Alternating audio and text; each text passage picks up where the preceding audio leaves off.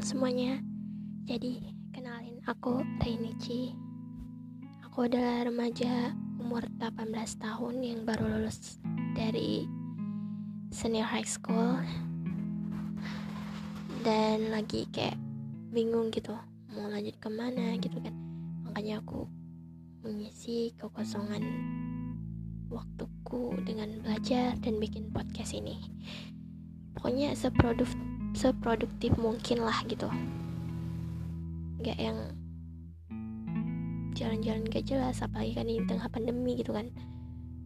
So ya ini aku ini duniaku dan ini podcastku